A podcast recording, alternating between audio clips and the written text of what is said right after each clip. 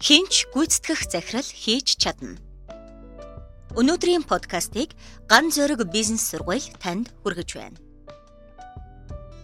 Залуу ажилтны амбиц нь компанийнхаа гүйцэтгэх захирал болоход чиглэх учиртай. Мэдээж энэ нь төрийн байгууллагын ажилтнанд ч хамаарна. Компани төрийн болон төрийн бус байгууллагын дарга, ерөнхийлөгч, гүйцэтгэх захирал нь ижилхэн топ менежментийн ажлууд юм. Миний бодлоор ямар ч хүн гүйцэтгэх захирлын ажлыг хийж чадах бөгөөд гагцхүү зарим онцлог зүйлсийг ойлгосон байвал зохино. Энэ хүрээнд би 3 өнцөг авч үзье гэж бодлоо. Нэгдүгээрт яагаад ажилд орж байхдаа гүйцэтгэх захирал болох амбицтай байсан залуу хэдэн жилийн дараа төөрч бодолж орхидог вэ? Энэ нь зорилгоосоо няцаж бууж өгч байгаа юм шиг харагддаг. Мэргэжил ажилдаа туйлын сайн ажилтан газрын захирал дид захирлын төвшөнд очиод тэр чигтээ гацах тохиолдол их байдаг. Хоёрдугаарт заримдаа гүйцэтгэх захирлыг бол өлхөн хийндэ гэж ярих дид захирлуудтай би тааралддаг.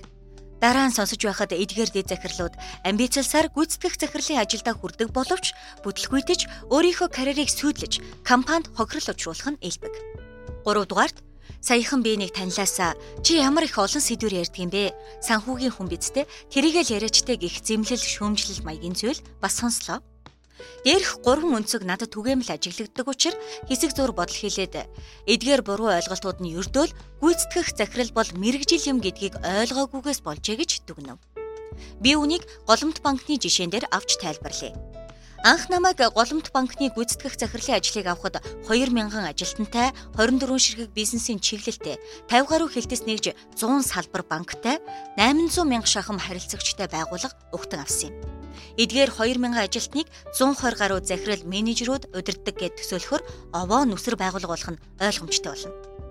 Миний хийх эхний ажил бол банкны зорилго стратегийг шинээр тодорхойлох явдал байлаа. Орчин үеийн дижитал шилжилтийг стратегид шингээхийн тулд мэдээллийн технологиг нэвт шувт мэдэж ойлгох шаардлага надад тулгарсан юм. Анх 1988 болон 89 оны хооронд 2 жил програмчлалын хичээл үзэж байсан. Түүнээс хойш мэдээллийн технологийн ололт дэвшилтийг тасралтгүй судлаж, мэдлэгтэй хачирлаж байсан маань мэдээж хэрэг болж байгаа юм. Би мэдээллийн технологи хариуцсан захирлынхаа төвшөнд мэдэх албагүй боловч гүйцэтгэх захирлын хувьар түүний юу ярьж байгааг бүрэн ойлгож, ойлгож зогсохгүй стратегийн чиглэл өгөх чадвартай байх ёстой. Энэ бол гүйцэтгэх захиралд тавигддаг шаардлага. Мөн 2000 ажилтныг сэтэлжүүлэх, хөгжүүлэх бүтээмжийг нь нэмэгдүүлэхийн тулд хүний нөөц, хүний сэтгэл зүйн талаар бүрэн мэдлэгтэй байх ёстой болно. Хүний нөөцийн захирлаа гүйцэтгэх захирал удирдах байгаа тул түүнээсээ дутхгүй. Ер нь бол давж гарах хүний нөөцийн менежментийн мэдлэг, дадал, туршлагатай байх ёстой болно.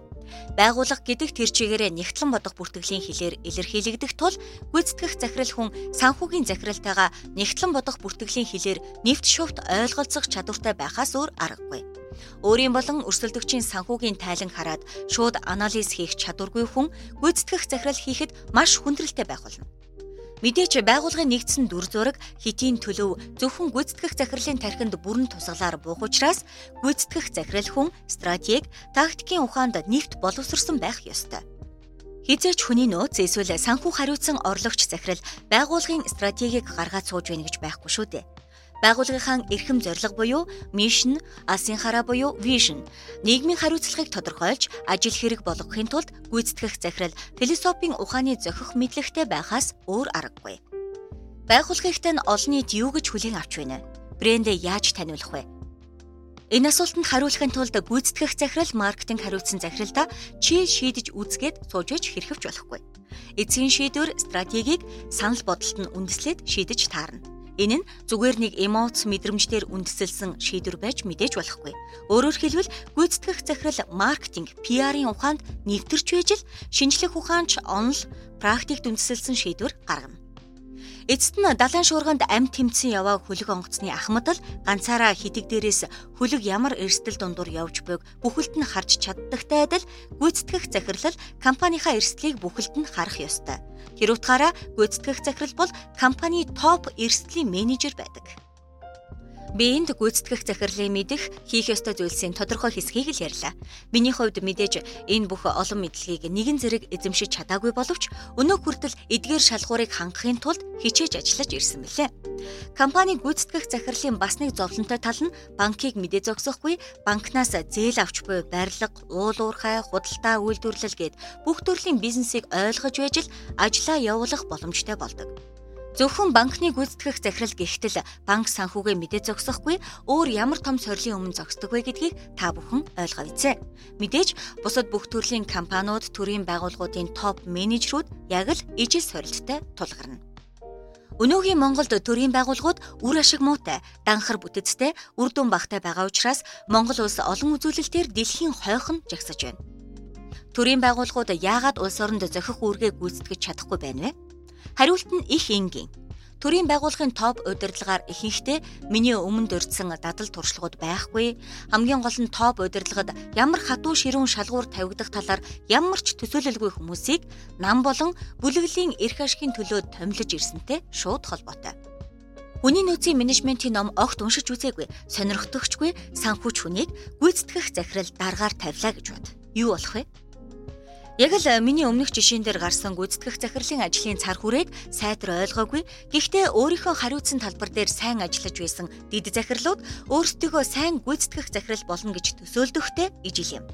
Яг гүйцэтгэх захирлын ажлыг авмагц гинэт өмнө нь ердөө нэг л чиглэл хариуцаж байсан дэд захирлын толгой дээр 10 гаруй бүгдээрээ энэ тэнцүү чухал сорилтууд бууж ирдэг. Нэгэнт ажиллаа авсан юм хойно ном уншаад өөрийгөө хөгжүүлэх зав гарахгүй нь ойлгомжтой. Ингээд л хурдан дээр гүйж байгаа лабораторийн хулган шиг эцэж цуцадлаа гүйж өөрийгөө ч байгуулгаач зоож өргөдөг. Миний өгөх зөвлөгөө одоо баг ойлгомжтой болсон байх.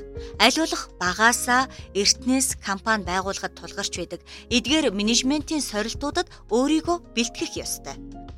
Хүний нөөцийн захирал нэгтлэн бодохын курст оройгоор сууж, эрсдлийн менежер нь маркетингийг судлаж байх хэрэгтэй. Ингэж чадвал энэ нийтлэлд гарсан бүх бэрхшээл хялбар шийдэгдэнэ.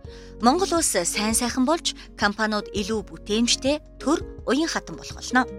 Төрийн байгууллагын топ удирдлагад хүн томилох гэж байгаа бол заавал 3-аас 6 сарын бэлтгэл хийх хэрэгтэй. Нэгэнт ажил авсан хойно цаг зав гарахгүй нь ойлгомжтой. Харин бэлтгэлээ базааж авсан цагт хинч гүйцэтгэх захирлын ажлыг хийж болно бас чадна. Гүйцэтгэх захирал гэдэг бол авиас биш, чадвар биш, харин мэрэгжил болно. Хинч энэ мэрэгжлийг сурч болно. Гэхдээ залуучууд маань аль болох эрт эхлэх хэрэгтэй. Ган зөрөг бизнес сургуультай танилцахыг хүсвэл Ган зөрөг цэгийн вебсайт руу зочлоорой.